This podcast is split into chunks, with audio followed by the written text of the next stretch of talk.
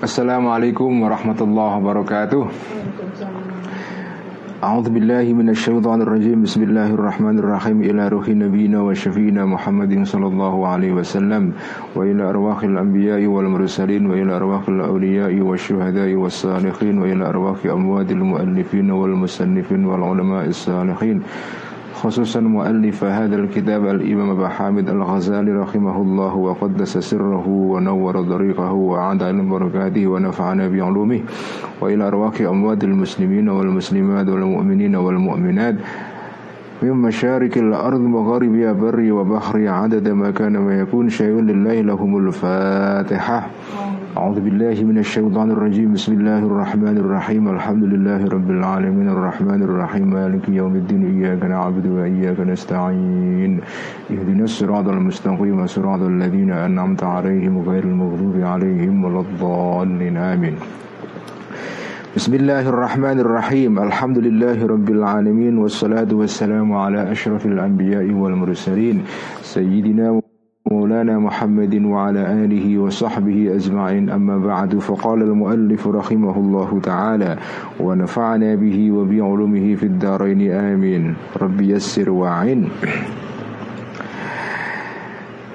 Selamat berjumpa kembali teman-teman para penyimak pengajian Ikhya pada malam hari ini Ini adalah ngaji Ikhya seri ke 36 betul ya Mbak Inas 36 dan kita berada pada halaman 902 902 silahkan menyimak teks kitab Ikhya kita meneruskan pembahasan yang uh, kita lakukan pada pengajian Ikhya beberapa hari yang lalu di Yogyakarta ya.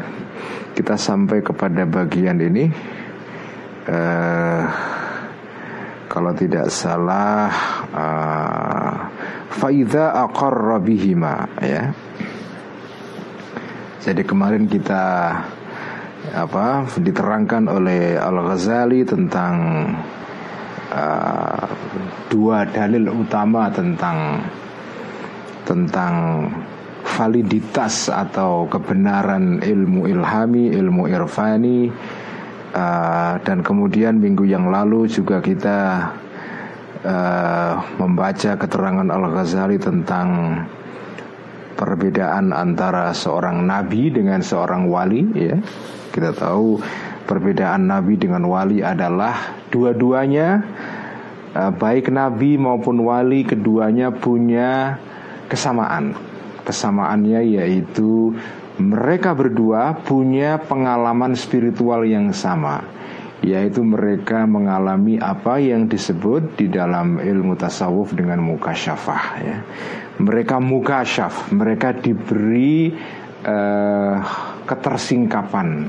Mereka dibuka hijabnya oleh Allah sehingga mereka mendapatkan curahan ilmu ilham. Dalam kasus nabi tentu namanya bukan ilham tapi wahyu ya. Tetapi baik wahyu maupun ilham itu adalah bagian dari proses spiritual ya yang disebut dengan mukasyafah itu.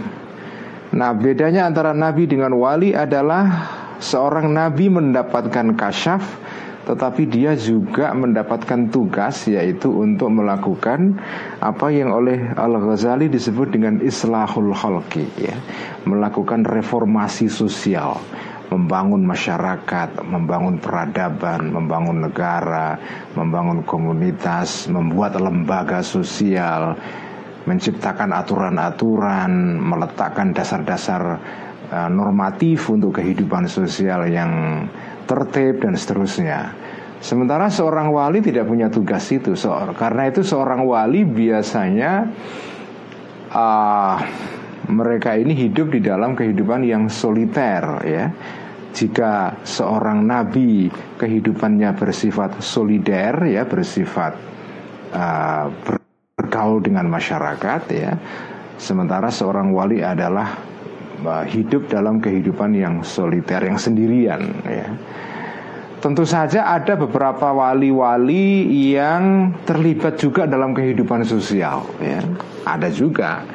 Tetapi biasanya uh, seorang wali itu uh, tidak diberikan oleh Allah Subhanahu wa taala dorongan untuk melakukan itu. Umumnya mereka uh, hidup secara spiritual sebagai seorang yang menerima pengalaman kasyaf sehingga tidak terlalu terlibat dalam kehidupan sosial. Ini beda dengan seorang nabi ya. Nah, kemarin juga diterangkan bahwa ini ini dalil tentang benarnya ilmu ilham ya. Kalau Anda percaya seorang nabi ada, maka kesimpulannya adalah kamu harus percaya juga secara otomatis tentang adanya ilmu ilham. Ya, karena karena Nabi juga mengalami ilmu ilham. Kalau anda percaya Nabi tapi nggak percaya ilmu ilhami itu sama dengan anda bohong itu. Itulah argumen yang di eh, dipakai oleh Al Ghazali untuk menunjukkan validitas dan keabsahan ilmu-ilmu ilhami. Faida akorro, nah ini kita akan melanjutkan keterangan kemarin. Faida akorro bihima, faida akorro maka ini kemarin saya berhenti di tengah jalan. Saya teruskan faida. Oleh karena itu faida akorro, eh, jika mengaku seseorang tadi ya uh, man uh, faman amana bil anbiya'i wa saddaqa bir ru'ya as-sahihati dan seterusnya maka faida aqar maka ketika mengaku seseorang tadi itu bihima dengan keduanya yaitu dengan nabi dan wali ya dengan ilham dan wahyu jami'an seluruhnya ya lam yumkinhu. Lam yumkinhu maka tidak memungkinkan ya lam di dalam gramatik bahasa Arab itu disebut dengan amil al-jazm ya awamil jawazim. Partikel yang membuat kata kerja mudore yang terletak setelahnya itu uh, berada di dalam status jazm ya sukun ya. Lam yumkinhu kita nggak boleh membaca lam yumkinuhu atau lam yumkinahu tetapi lam yumkinhu karena lam ini disebut dengan partikel jazim.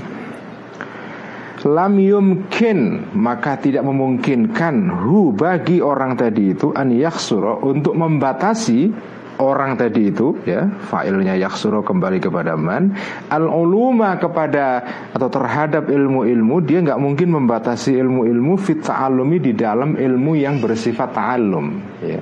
Ilmu yang sifatnya belajar. Wa mubasyaratil asbabi ya dan uh, mengusahakan ya melakukan sebab-sebab maksudnya usaha al ma'lufati yang diketahui yang normal ya yang konvensional tuh al ma'lufah ya. Jadi kalau kalau orang percaya adanya uh, nabi dan wa, dan wali adanya ilham dan wahyu adanya dua pengalaman tadi itu maka Seharusnya ya dia tidak membatasi ilmu itu kepada ilmu yang bersifat ta'alum Ilmu yang diraih dengan dengan cara belajar biasa, ilmu yang diusahakan dengan al-asbab al-ma'lufa al-ma'lufa ya. Ilmu yang dicari dengan jalan-jalan yang biasa, sekolah, kuliah dan seterusnya. Belia juzu melainkan mungkin antakuna untuk ada ya.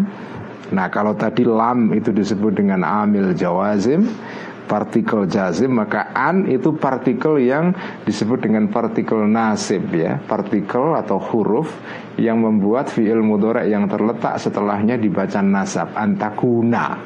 Bukan antakuni atau antakunu ya. Tapi antakuna nasab fathah ya. An disebut dengan amil nawat Sip ya. Antakuna untuk ada al mujahadatu mujahadah ya, maksudnya beribadah, membersihkan kalbu dan seterusnya. Sabilan di sini ada kesalahan cetak ya, bukan sabilun tetapi sabilan ya. Di dalam uh, teks syara ikhya ithafus al mutaqin ya, uh, di sana lebih uh, lebih tepat teksnya sabilan bukan sabilun ya. Karena sembilan khobarnya kana khobarnya kana dibaca nasab. Sembilan uh, menjadi jalan ilaihi kepada uh, apa? Ilaihi kepada uh, kepada kepada ta'allum ya. Kepada memperoleh ilmu ya. Fahada Fahadha ma yunabbihu. Fahadha maka dalil ini tadi yang disebutkan diulas oleh Al-Ghazali ini Yaitu dalil bahwa uh, Nabi dan wali punya pengalaman yang sama ya. Dan seterusnya ma adalah sesuatu yunabbihu yang mengingatkan yang yang yang mengisyaratkan yang mengingatkan ya ma tadi itu ala hakikati ma terhadap esensi terhadap kebenaran ya bukan bukan esensi di sini kebenaran.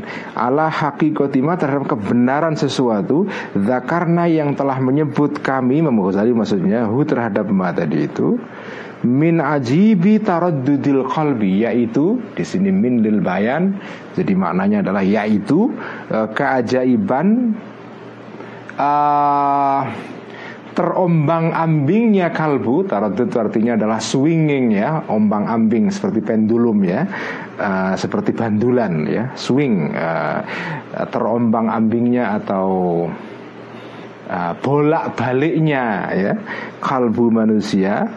Kalbu manusia itu terombang ambing ya bolak balik baina alam syahadati antara alam nampak alam fisik ya alam jasmani wa alamil malakuti dan alam gaib, alam kemalaikatan, alam angelik ya.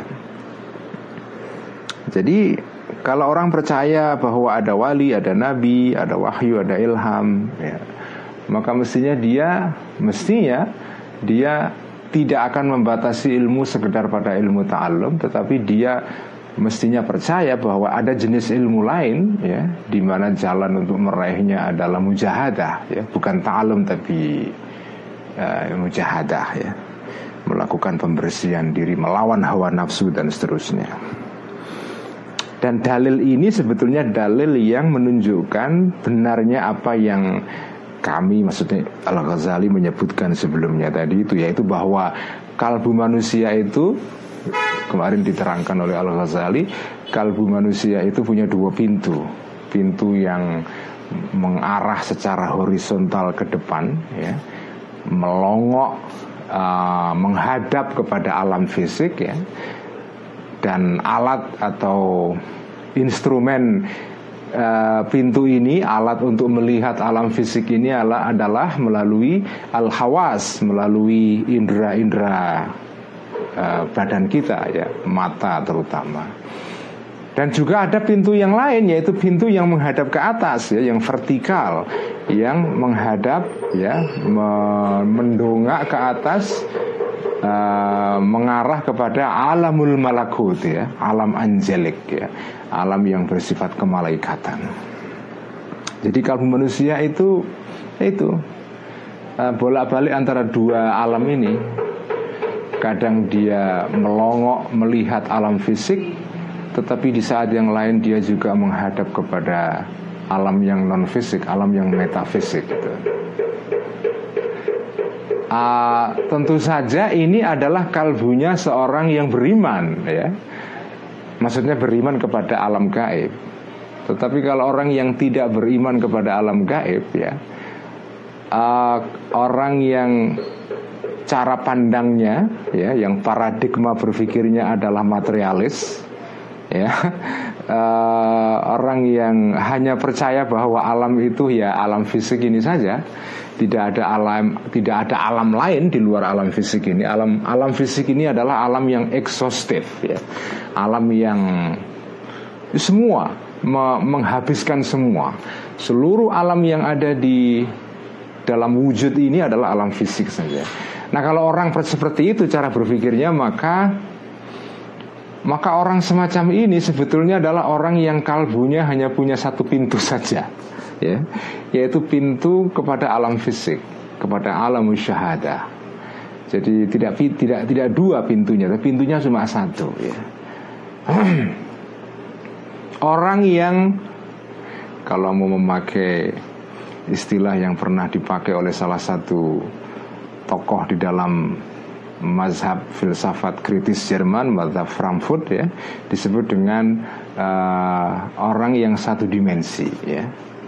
Uh, one dimensional man ya. Orang yang satu dimensi saja, orang yang yang dimensinya tunggal, kalbunya tidak punya dua pintu.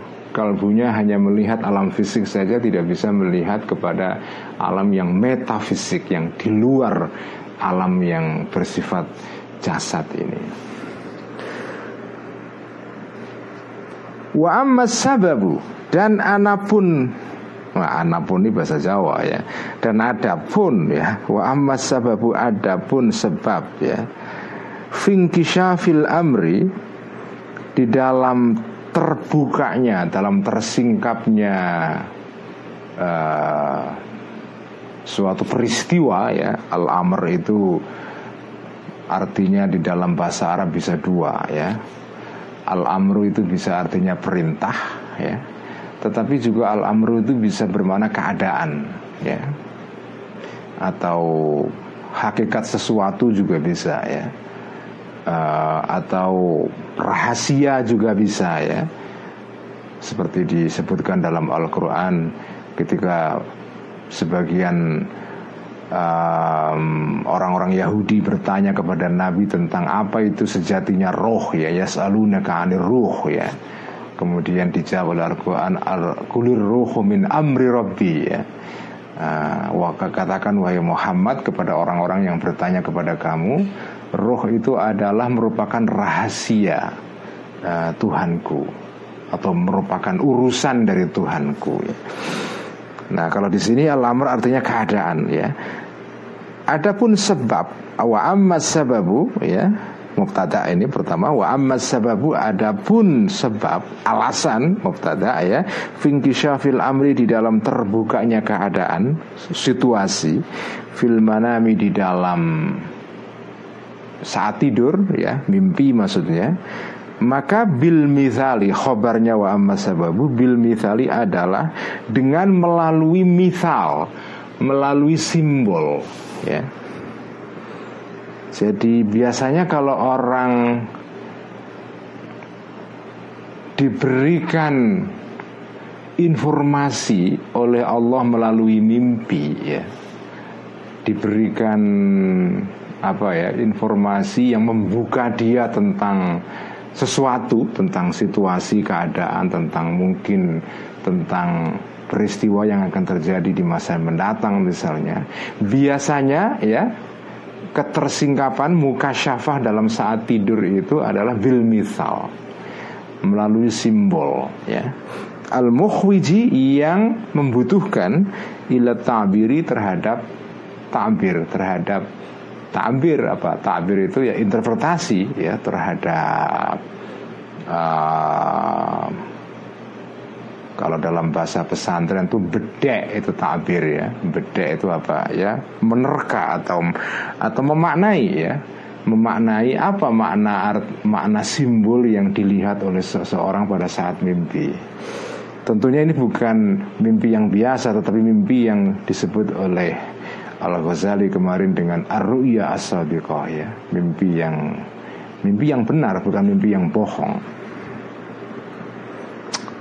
Wakadzalika dan begitu juga tamatsulul malaikati ya. Tampaknya malaikat ya, tamatsul artinya tampak dalam bentuk yang bisa dilihat oleh mata ya. Adapun uh, tamatsulul ambiyai tampaknya para malaikat, tamatsulul malaikati tampaknya para malaikat. Kalau dalam bahasa pesantren tamatsul itu mento-mentone malaikat maksudnya apa? malaikat tampak karena malaikat itu adalah makhluk yang tidak bersifat fisik ya, tapi dia roh, spirit ya. Tapi dia bisa nampak lil ambiyai kepada para nabi, wal auliyai dan para wali-wali bisuarin dengan gambar-gambar, dengan forma ya, dengan bentuk mukhtalifatin yang berbeda-beda ya. Begitu juga ketika malaikat tampak kepada nabi dan kepada para wali melalui bentuk-bentuk yang berbeda-beda kadang berbentuk manusia seperti pernah dialami oleh Nabi ketika Nabi pernah didatangi oleh malaikat Jibril ya seperti dalam hadis yang terkenal yang dikisahkan oleh sahabat uh, Umar ya uh, fadzalika maka tamatsul tadi itu aidon juga adalah min asrori ajaibil kolbi Khobarnya dari min asrori ajaibil kolbi termasuk rahasia-rahasia rahasia-rahasia uh, dari keajaiban-keajaiban kalbu. Jadi itu bagian dari keajaiban kalbu manusia. Bahwa kalbu manusia itu bisa mempersepsi ya, bisa mengalami, bisa melihat ya, bisa uh, mendapatkan pengalaman untuk melihat beberapa Eh, makhluk-makhluk uh, yang bersifat roh yaitu malaikat dan dan dan sebagainya ya itu bagian dari kemampuan kalbu manusia yang luar biasa.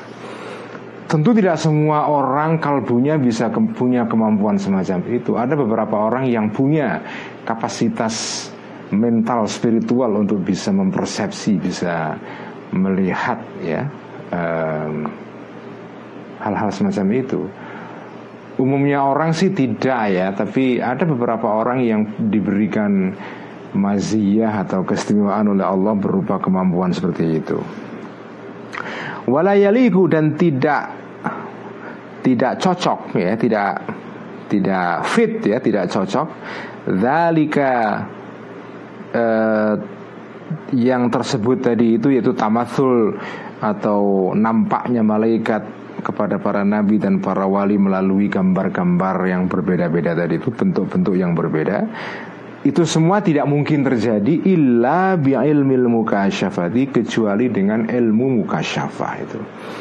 Fal naktasir maka hendaknya kami membatasi untuk menerangkan argumentasi tentang validitas ilmu ilham ini alama terhadap sesuatu zakarna yang telah menyebut kami Al Ghazali maksudnya hu terhadap materi. Cukup ini dalil saya ringkaskan saya sekiankan uh, apa dalil mengenai bahwa ilmu ilham itu benar-benar ada itu.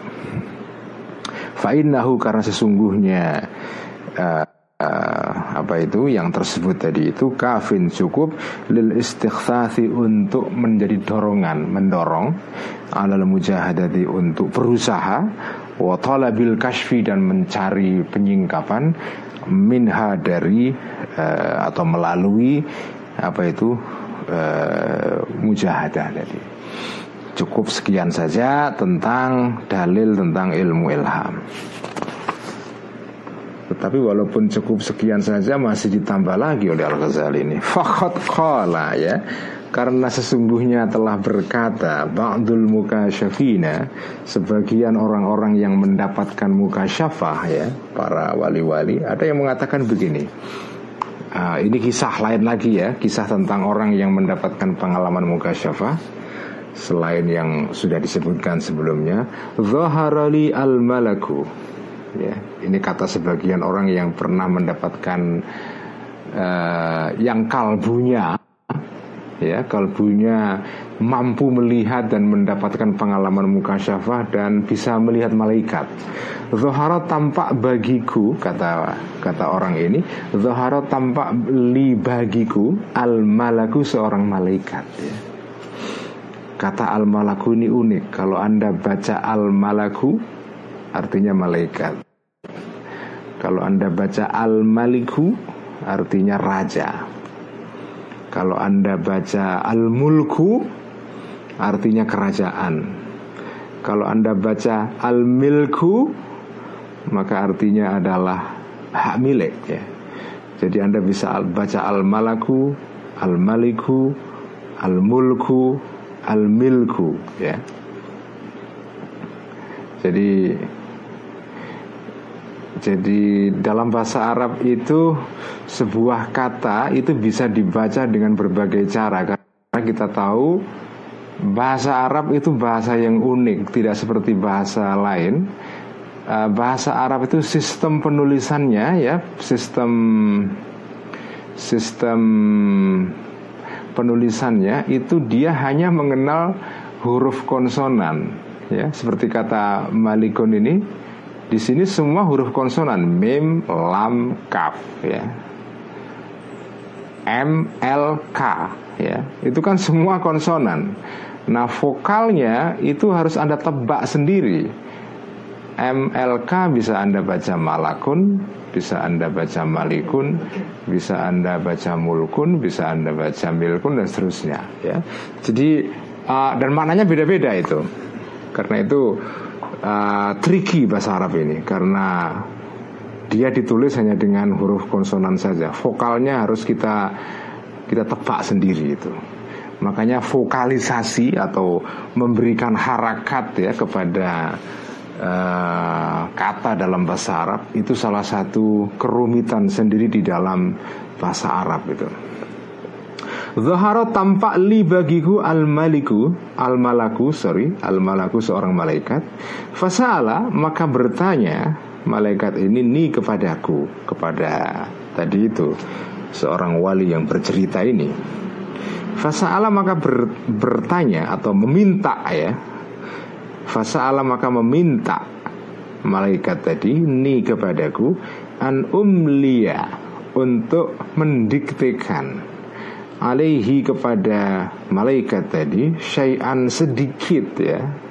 Syai'an sedikit uh, min zikri dari um, pengalaman zikirku ya al khafi yang bersifat khafi yang yang bersifat uh, pelan ya zikir yang rahasia yang pelan yang tidak diucapkan dengan keras-keras ya an musyahadati uh, dari uh, pengalaman melihatku musyahadah minat tauhidi berupa pengalaman tauhid ya.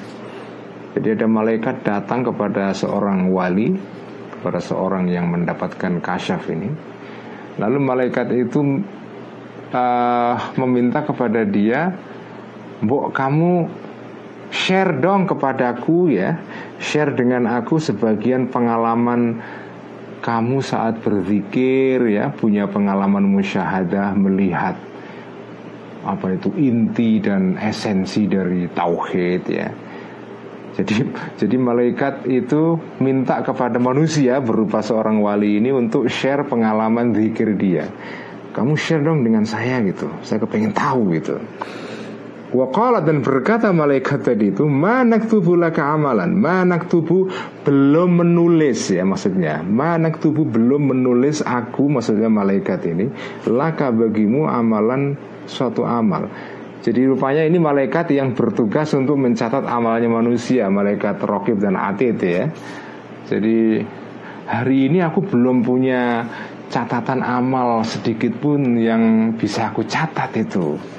Jadi buat kamu share pengalaman zikir kamu dengan saya supaya saya catat sebagai amal baikmu nanti saya laporkan kepada Tuhan itu. Wanahnu dan kami maksudnya malaikat tadi itu nuhibbu suka kepingin ya uh, an ada untuk naik ya saya kepingin naik menuju kepada Tuhan Melaporkan laka bagimu bi amalin dengan membawa amal. Tetakarrabu yang bisa bertakarrub Mendekatkan engkau bihi dengan amal tadi itu Ilallahi kepada Allah Azza wa Jalla. Jadi saya kepingin uh, Kamu punya amal baik yang bisa saya laporkan kepada Allah hari ini. Coba pengalaman spiritual kamu kamu bagi dengan saya. Karena kan pengalaman spiritual itu pengalaman yang bersifat batin ya. Kita tahu malaikat itu hanya mencatat amal-amal yang bersifat fisik ya. Sholat puasa itu bisa dilihat. Malaikat bisa mengobservasi kan. Tetapi kalau pengalaman spiritual kan malaikat tidak punya akses. Karena itu saya nggak bisa mencatat amal kamu yang dalam kalbu. Saya hanya bisa mencatat pengalaman yang sifatnya fisik amal-amal yang sifatnya jasad ya. Tapi pengalaman-pengalaman spiritual itu tidak bisa diakses oleh malaikat. Nah kepenginnya malaikat pencatat amal ini Saya kepengin amal-amal spiritual kamu itu bisa dicatat gitu loh Tapi kan saya nggak punya akses kalau nggak kamu ceritakan Fakultu maka berkata aku seorang wali tadi itu Lalu jawabku begini Alastuma taktubanil itu Alastuma Bukankah engkau berdua Yaitu malaikat Rokib dan Atid ya Yang uh, Yang bertugas mencatat Apa itu uh, Amal manusia Alas tuma bukankah kalian berdua Taktubani menulis kalian berdua al itu amal-amal yang bersifat fardu? Kan kamu sudah mencatat amal-amal fardu saya. Sholat, puasa, lima hari, eh, lima kali sehari misalnya. Kamu kan sudah nyarat kan? Kala berkata dua malaikat tadi itu bala ya, ya. Bala ya, ya dalam bahasa Arab itu kalau pertanyaannya berupa pertanyaan negatif ya, negatif interrogation seperti alas tuma bukankah engkau ya? Itu jawabannya kalau kepingin positif memakai kata bala ya. Tidak boleh naam. Naam itu tidak bisa dipakai untuk pertanyaan yang menggunakan uh, atau formula negatif. Jadi kalau Anda ditanya, bukankah engkau demikian demikian demikian dalam bahasa Arab itu jawabannya kalau ya itu bala, ya. Ya, ya. Jangan pakai kata naam. Kalau naam itu ya tapi untuk pertanyaan yang tidak menggunakan kata negatif. Jadi kalau misalnya Anda ditanya, "Kamu pergi ke sekolah?" Ya, naam. Tapi kalau kamu ditanya, "Bukankah kamu ini seorang mahasiswa?" Kalau Anda ingin mengatakan iya, maka jawabannya bala ya. Bala iya. Ya, saya memang sudah mencatat amal-amal fardu kamu. Kultu maka berkataku, berkata aku seorang wali tadi itu, fayakfi kuma. Maka cukuplah kuma terhadap kalian berdua zalika yang tersebut tadi itu yaitu amal faraid. Ya sudah, saya nggak butuh dilaporkan amal yang terlalu banyak ya cukuplah kamu lapor eh, catatan-catatan uh, tentang amal fardu saya cukup. Saya yang lain nggak perlu kamu catat gitu. Karena yang bisa langsung mengetahui ini Allah Taala sendiri kamu nggak usah ikut campur kira-kira begitulah. Nah kisah ini sebetulnya ini komentar Al Ghazali wahadhi dan dan ini isyaratun adalah isyarah ila annal kirama kepada sesungguhnya bahwa sesungguhnya ya ila annal kirama bahwa sesungguhnya para malaikat-malaikat yang yang mulia al-katibina yang mencatat uh, amal manusia ayat toliona tidak bisa melihat ala asraril kalbi terhadap rahasia-rahasia kalbu manusia. Malaikat itu tidak punya akses terhadap pengalaman spiritual ya padahal mereka ini makhluk uh, makhluk roh makhluk spiritual tapi entoh begitu mereka tidak bisa mengetahui isi hati manusia jadi manu malaikat itu bisa mencatat amal manusia yang bersifat um, fisik, bersifat jasmani, bersifat badani.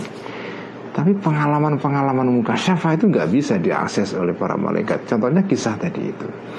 Wa inna yattali'una dan sesungguhnya ya dan apa dan mereka semua melihat hanya ya innama itu adatul hasr ya partikel untuk menunjukkan apa pembatasan ya wa innama yattali'una dan uh, sesungguhnya mereka melihat para malaikat tadi itu hanya alal amali terhadap amal-amal al-zahirati yang bersifat nampak.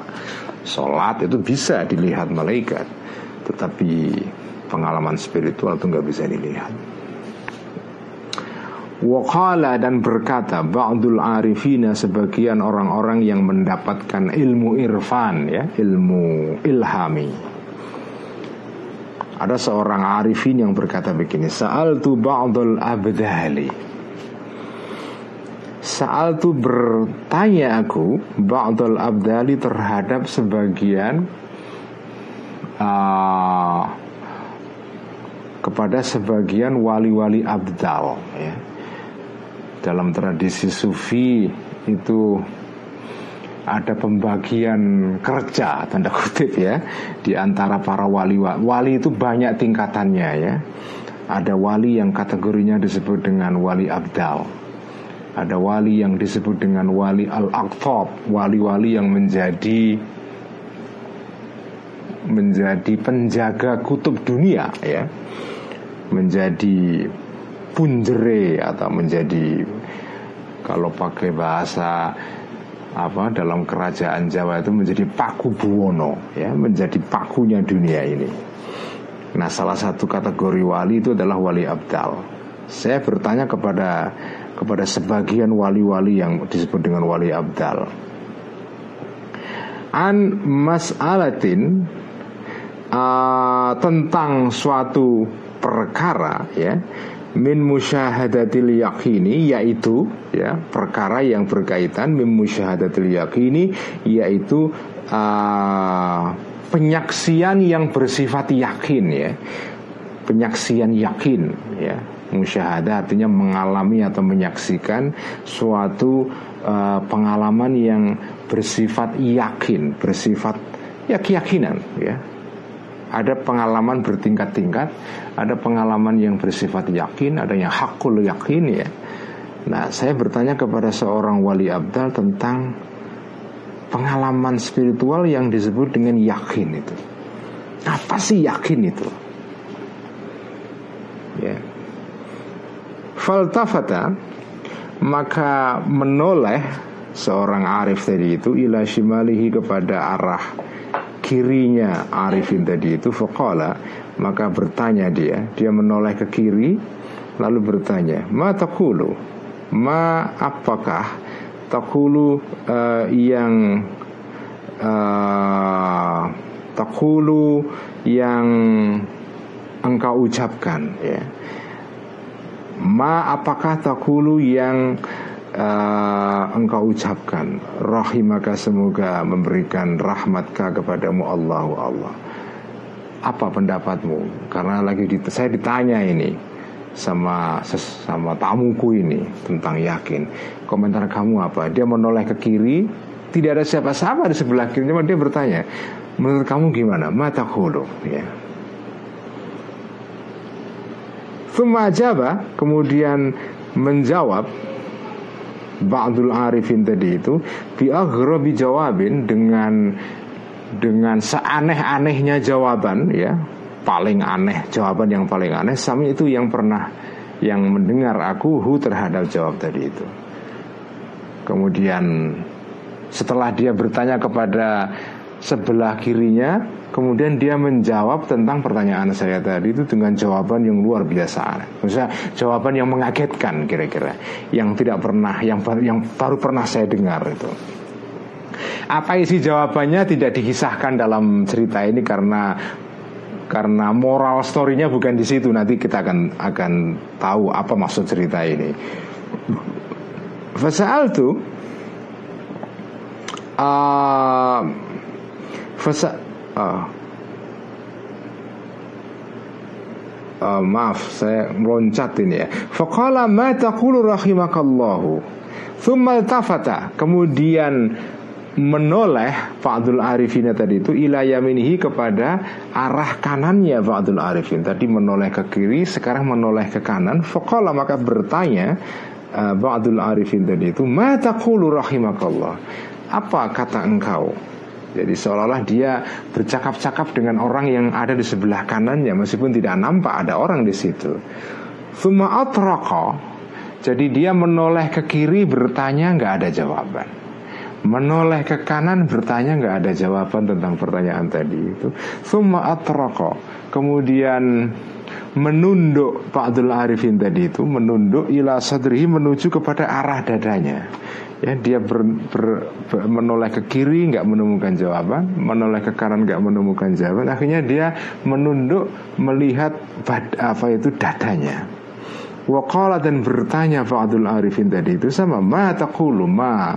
Apakah takulu uh, Berkata engkau? Ya Rahimakallah Kemudian setelah dia menunduk melihat dadanya Dia memperoleh jawaban Thumma ajaba.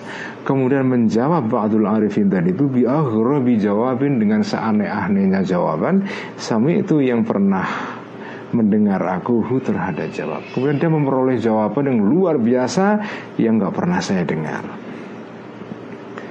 Saya heran kan? Kemudian karena saya apa itu uh, kepo ya kepingin tahu. Fasal tuh maka bertanya aku hu kepada Ba'dul Arifin tadi itu anil tifati tentang nolehnya dia tadi itu. Yai tadi kok noleh kiri kanan tuh maksudnya apa sih? gitu. Fokala maka bertanya Ba'dul Arifin tadi itu lam yakun indi. Lam yakun tidak ada indi bagiku fil mas'alati mengenai pertanyaan yang kau tanyakan tadi itu jawabun jawaban atidun yang siap sedia. Aku nggak punya jawaban makanya aku tanya. Aku neleh ke kiri nanya kepada malaikat yang ada di sebelah kiriku menoleh ke kanan tanya kepada malaikat yang ada di sebelah kananku nggak ada jawaban. Fasal tu maka bertanya aku sahib shimali kepada teman yang ada di sebelah kiriku. Maksudnya teman di sini apa malaikat ya malaikat yang ada di sebelah kanan. Faqala maka bertanya sahibu shimali Ladri, la adri tidak tahu aku. Fasa'al tu maka bertanya aku sahibul yamini kepada teman sebelah kanan. Wahua hale utawi ya Ini adalah jumlah ya Wahua dalam keadaan sohibu shimali tadi itu alamu lebih ber, lebih tahu minhu daripada sohibu sohibul wahwa dalam keadaan sohibul yamin tadi itu alamu lebih tahu minhu daripada sohibu shimal malaikat yang sebelah kanan ini mestinya dia lebih pintar daripada yang sebelah kiri. Entoh begitu Fakola maka bertanya Sahibul Yamin tadi itu Lah adri tidak tahu. Jadi baik yang teman sebelah kiri maupun teman sebelah kanan, maksudnya malaikat tidak tahu semua. tu maka ber, maka melihat aku maka ya melihat maksudnya tepekur ya tafakur saya tafakur ila kalbi menuju kepada kalbuku wasaaltu dan bertanya aku hu terhadap kalbi fahaddatha maka menceritakan kalbu tadi itu ni kepadaku bima dengan informasi dengan jawaban ajab tu yang menjawab aku ka terhadap kau ya aibihi dengan jawaban tadi itu. Faizan ya maka dumadaan ya ujuk-ujuk ya ternyata huwa kalbu tadi itu alamu lebih mengetahui minhuma daripada malaikat kiri dan malaikat kanan. Ternyata kalbuku lebih alim daripada malaikat ya.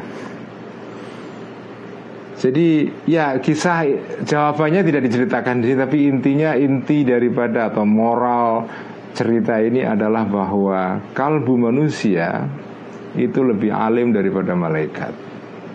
Itulah sebabnya kenapa Allah memerintahkan kepada para malaikat dulu waktu kisah penciptaan Nabi Adam, Allah memerintahkan kepada para malaikat untuk sujud kepada Nabi Adam. Kenapa? Karena di dalam diri Adam itu ada satu ada satu organ yang bersifat spiritual ya yang itu merupakan organ yang sifatnya ilahiyah yang bersifat ketuhanan. Itulah namanya kalbu. Organ ini tidak ada pada malaikat ya. Hanya ada pada manusia. Melalui organ yang namanya kalbu inilah Allah memberikan pengetahuan ya. Wa 'allama Adam al-asma ya. Allah memberikan pengetahuan kepada Nabi Adam ya tentang nama-nama segala sesuatu tentang informasi itu semua tidak ada pada malaikat. Itulah jadi kisah ini sebetulnya kisah yang mengingatkan kita kepada kisah Nabi Adam atau penciptaan Nabi Adam seperti dikisahkan di dalam Al-Quran berkali-kali ya. Wa ka'anna dan seolah-olah kisah ini huwa uh, kisah ini makna adalah makna kaulihi adalah makna maksud daripada uh, sabda Nabi alaihi salam yang sudah pernah dikutip sebelumnya oleh Imam Ghazali inna fi ummati muhaddatsina Inna fi ummati sesungguhnya di antara umatku muhaddatsina ada orang-orang yang disebut dengan muhaddats. Orang-orang yang mendapatkan informasi ya. Muhaddatsin.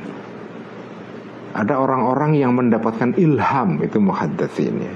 Wa inna Umar dan sesungguhnya Sayyidina Umar, sahabat Umar, khalifah kedua, minhum adalah termasuk bagian dari muhaddatsin tadi itu. Umar adalah salah satu sahabat Nabi yang dikenal punya kemampuan uh, apa? Kemampuan ilham, ya, kemampuan menerima ilham. Seperti pernah dikisahkan sebelumnya, dia bisa memberikan komando kepada pasukannya uh, di Iran, di Persia waktu berperang di sana saat Sayyidina Umar memberikan khutbah di Madinah. Ya. Jadi ini ya ini kisah uh, tentang Fa'adul Arifin tentang orang-orang yang mendapatkan mukasyafat tadi itu lagi-lagi ini menunjukkan bahwa ilmu ilham itu ada. Dan jangan lupa ilmu ilham ini disebut-sebut dibahas secara panjang lebar oleh Al Ghazali di sini di dalam kerangka besar Imam Ghazali ingin menjelaskan sebetulnya bahwa kalbu manusia itu punya kapasitas yang luar biasa. Itu intinya ya. Karena ini adalah semua bagian dari bab besar yang disebut dengan kitabu ajaibil khalqi ya. Seperti kita baca pada awal bulan puasa kemarin ya. Kitabu syarhi ajaibil qalbi ya ini kitabu syarhi ajaibil khalqi. Jadi ini bagian dari uh, dunia kebatinan manusia yang memuat sejumlah hal-hal ajaib. Ya kira-kira gitu dan kita diajak oleh Al Ghazali melalui perterangan yang panjang lebar ini untuk berselancar untuk uh, surfing ya melihat dunia kebatinan manusia yang luar biasa ajaib itu dan dengan begitu kita bisa menghargai kemanusiaan kita dan kemanusiaan orang lain. Jadi orang-orang ini juga eh, eh, apa ya keterangan Al Ghazali ini sebetulnya juga mengajarkan kepada kita sebetulnya untuk mengajari kita untuk mengapresiasi nilai kemanusiaan ya mengapresiasi uh, manusia. Kenapa kita harus mengapresiasi manusia? Karena manusia itu bukan wujud yang biasa di dalam manusia, manusia yang ya kelihatannya mungkin secara fisik dia tidak cukup istimewa misalnya kita bertemu dengan orang yang mungkin pakaiannya jelek ya penampilannya nggak menarik mungkin tidak kelihatan tidak baunya tidak wangi misalnya. Tetapi jangan lupa manusia yang fisiknya kamu lihat tidak menarik itu di dalam dirinya itu ada ajaibul qalb ya. Ada keajaiban-keajaiban kebatinan.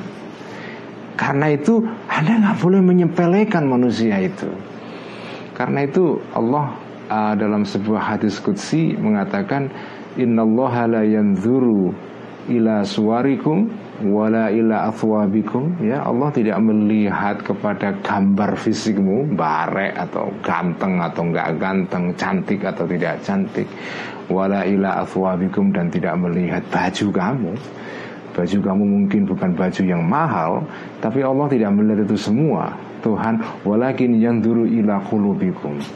Yang dilihat oleh Tuhan itu adalah kalbu. Jadi kalau kita ingin berakhlak atau bertindak ya, kalau kita ingin behave ya, berlaku seperti seperti perilaku Tuhan, maka kalau kita menilai orang ketika kita berjumpa dengan orang, ya kita lihat orang itu bukan pada bentuk fisiknya. Lihatlah orang melalui bentuk metafisiknya. melalui sesuatu yang ada di balik yang fisik. Apa itu yang di balik yang di balik yang fisik? Ajaibul khalaq kata Al Ghazali.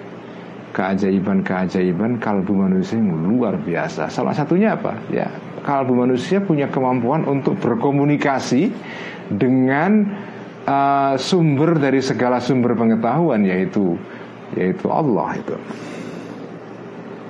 Ini pelajaran penting dari bab ini ya.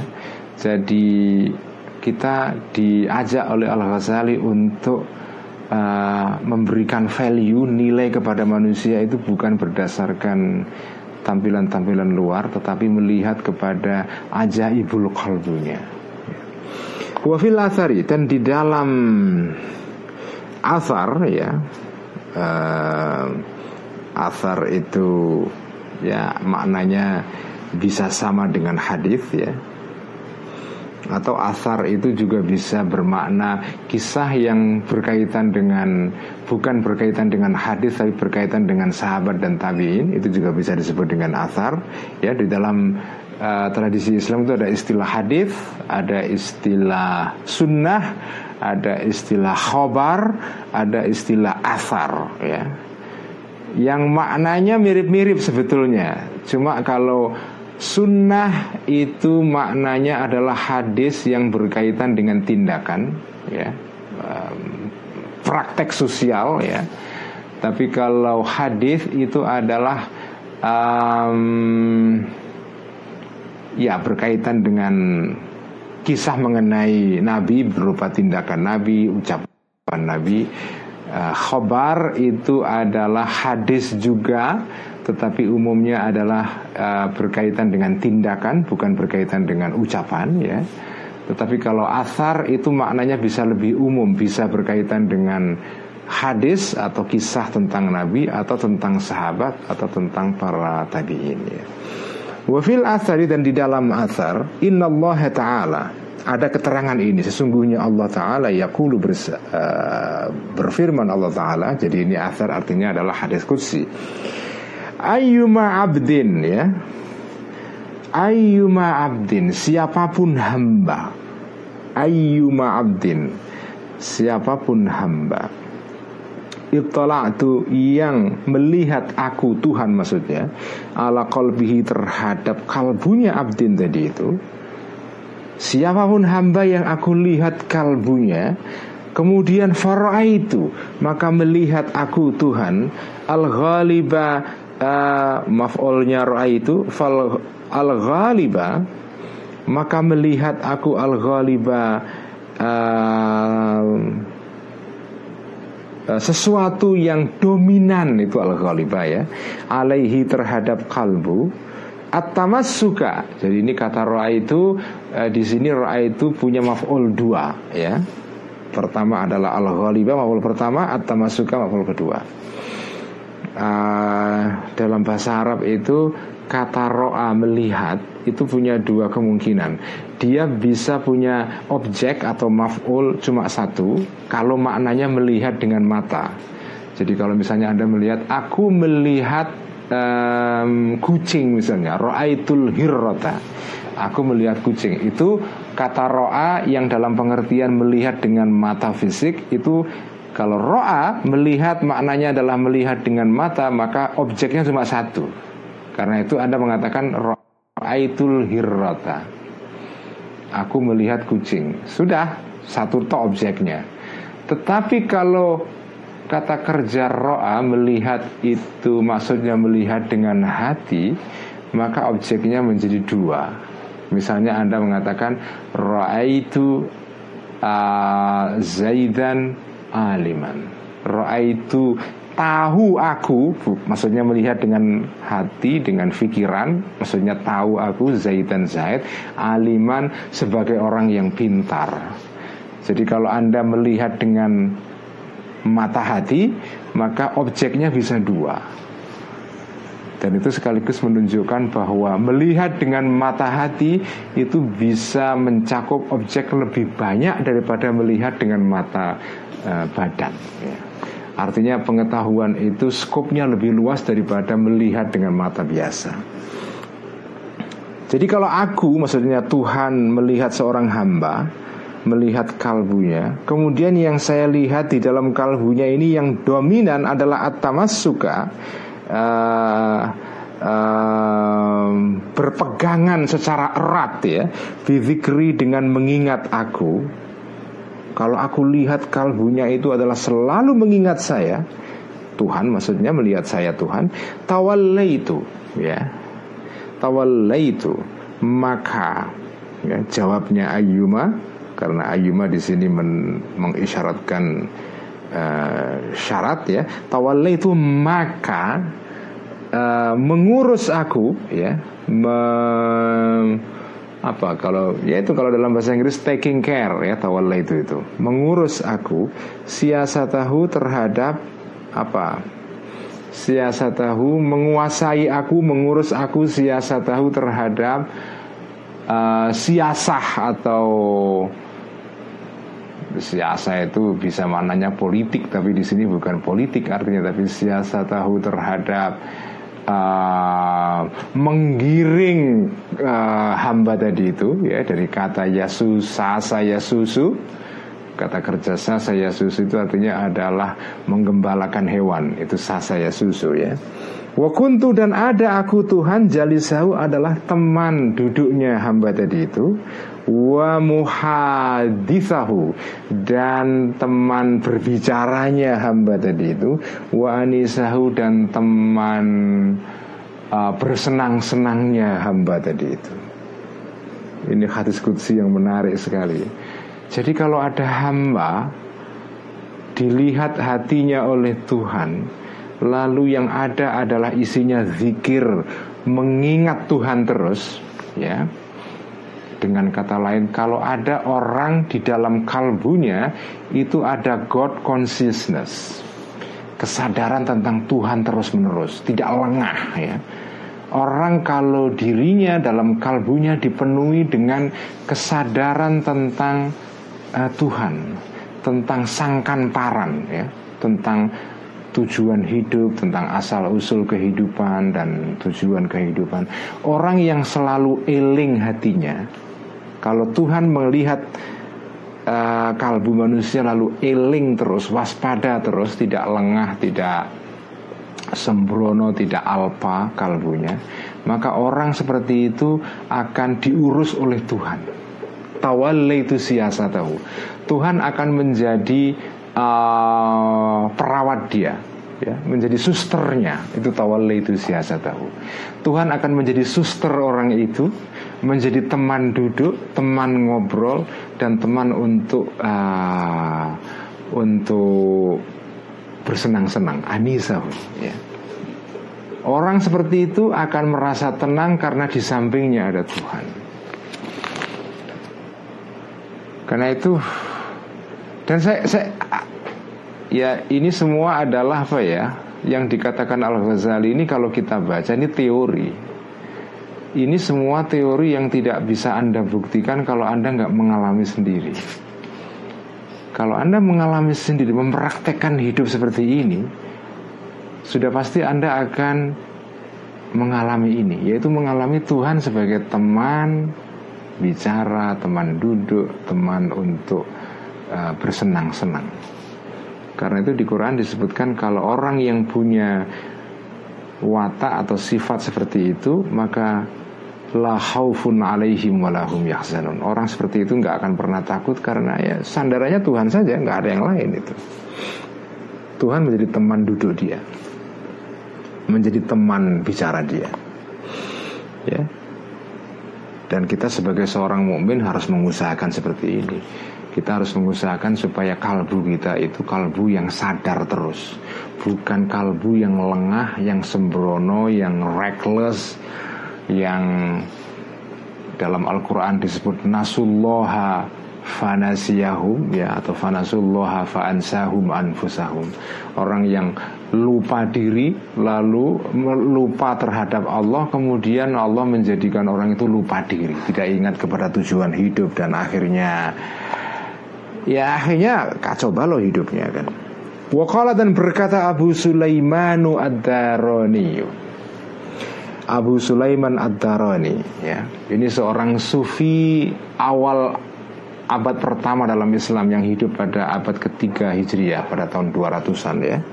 Ad-Daraniyu yang berasal dari kota Dar Daria ya. Daria itu sebuah desa yang ada di kawasan Damaskus, uh, Syria sekarang. Rahmatullahi alaihi seorang seorang sufi awal Islam Abu Sulaiman Ad-Darani ini salah satu sufi awal Islam yang sering dikutip pendapat-pendapatnya dan kisah-kisahnya oleh Al-Ghazali dalam kitab Ihya ya. Al-qalbu bimanzilatil qubbati. Ini kata Abu Sulaiman Ad-Darani Al-qalbu, kalbu manusia Bimanzilatil qubbati adalah Seperti kubah Seperti dom ya, kubah ya. Tahu kan kubah? Al-madrubati yang di letakkan yang dipasang haulaha di sekitar kubah tadi itu abu abun pintu-pintu ya Fa'ilnya kata madrubah abwabun pintu-pintu muhlaqatun yang tertutup.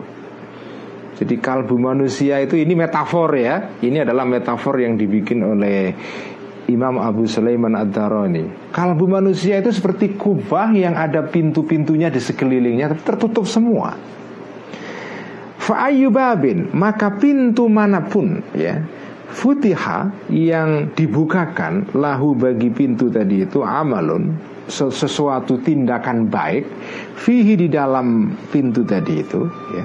Jadi kalau ada amal baik yang dilakukan oleh uh, seorang hamba yang punya kalbu tadi itu maka kemudian pintu tadi itu terbuka ya maka pintunya akan dibuka.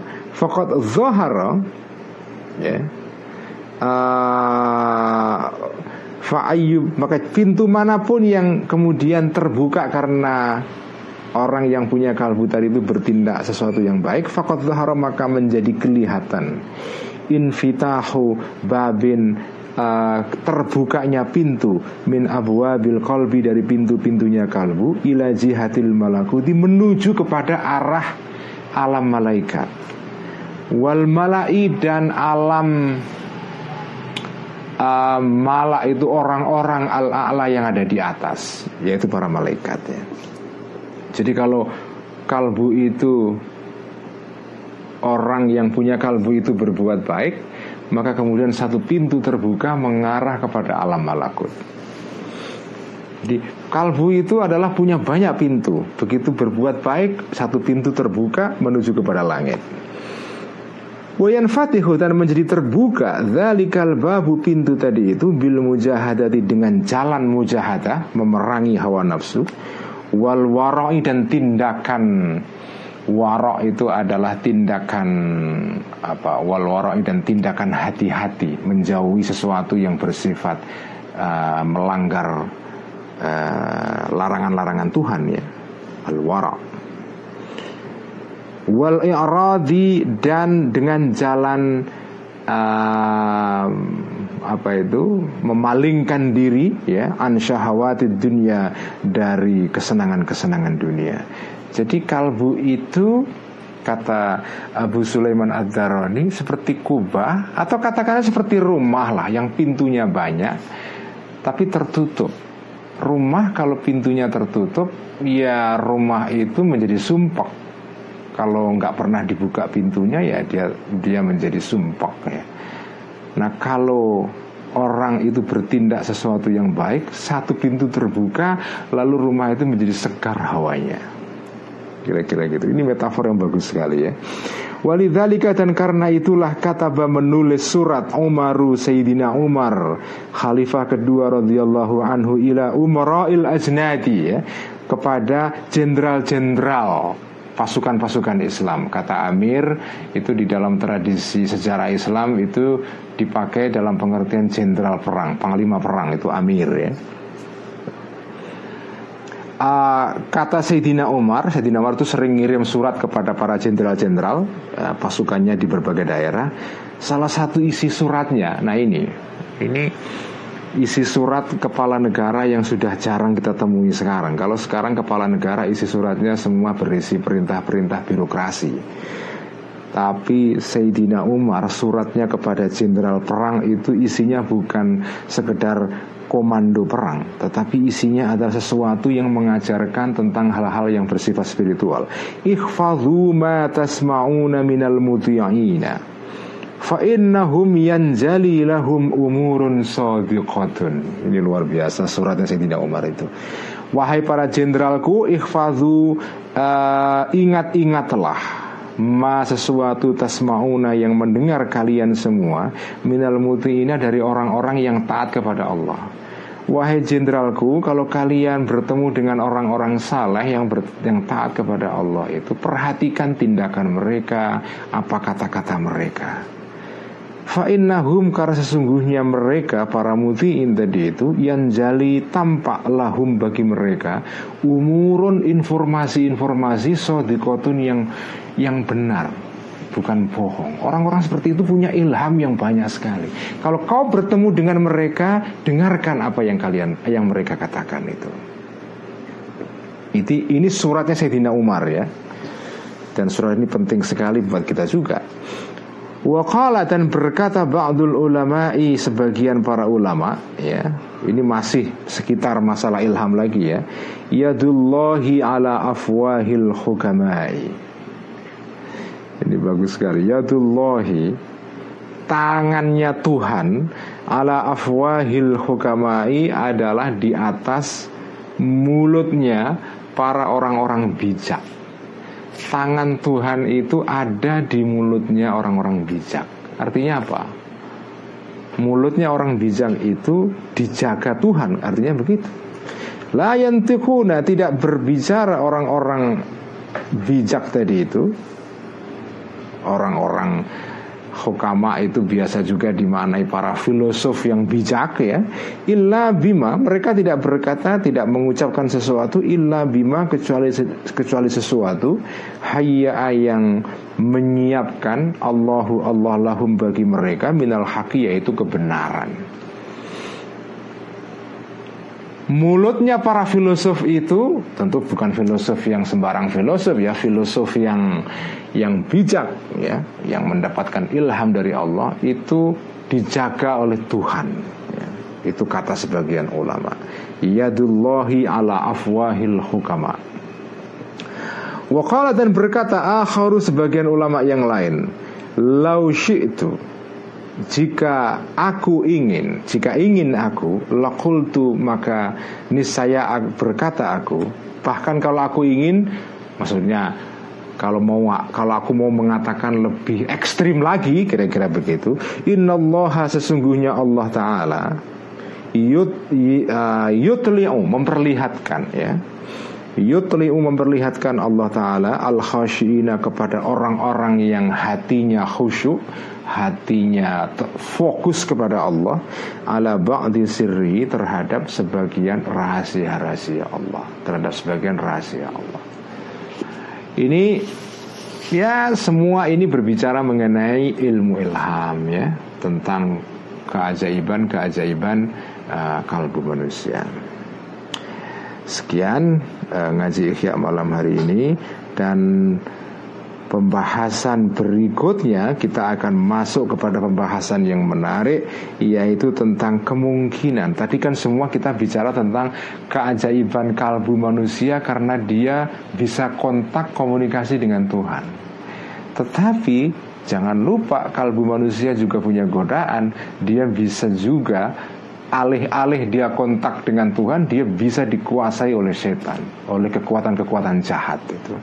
Itu nanti pembahasan di dalam bab berikutnya Bayanu tasalluti syaitani alal qalbi bil wasawisi ya.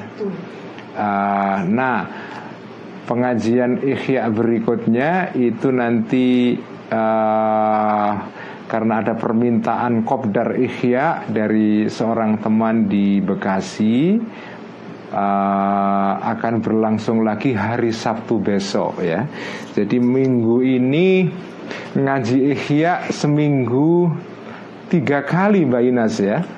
Jadi hari Sabtu kemarin uh, di Jogja, kemudian ya sudah ganti minggu, tetapi dalam hitungan tujuh hari ngaji ikhya tiga kali kedua malam ini. Kemudian malam minggu besok ya jam 8 seperti biasa juga ada ngaji ikhya lagi karena ada permintaan ngaji ikhya di Bekasi ya jadi ya peminat dan fans bola harus bertarung dengan ngaji ikhya besok ya. Terima kasih sampai berjumpa malam minggu uh, besok ini dalam Kopdar Ikhya di Bekasi. Sekian wassalamualaikum warahmatullahi wabarakatuh. Waalaikumsalam.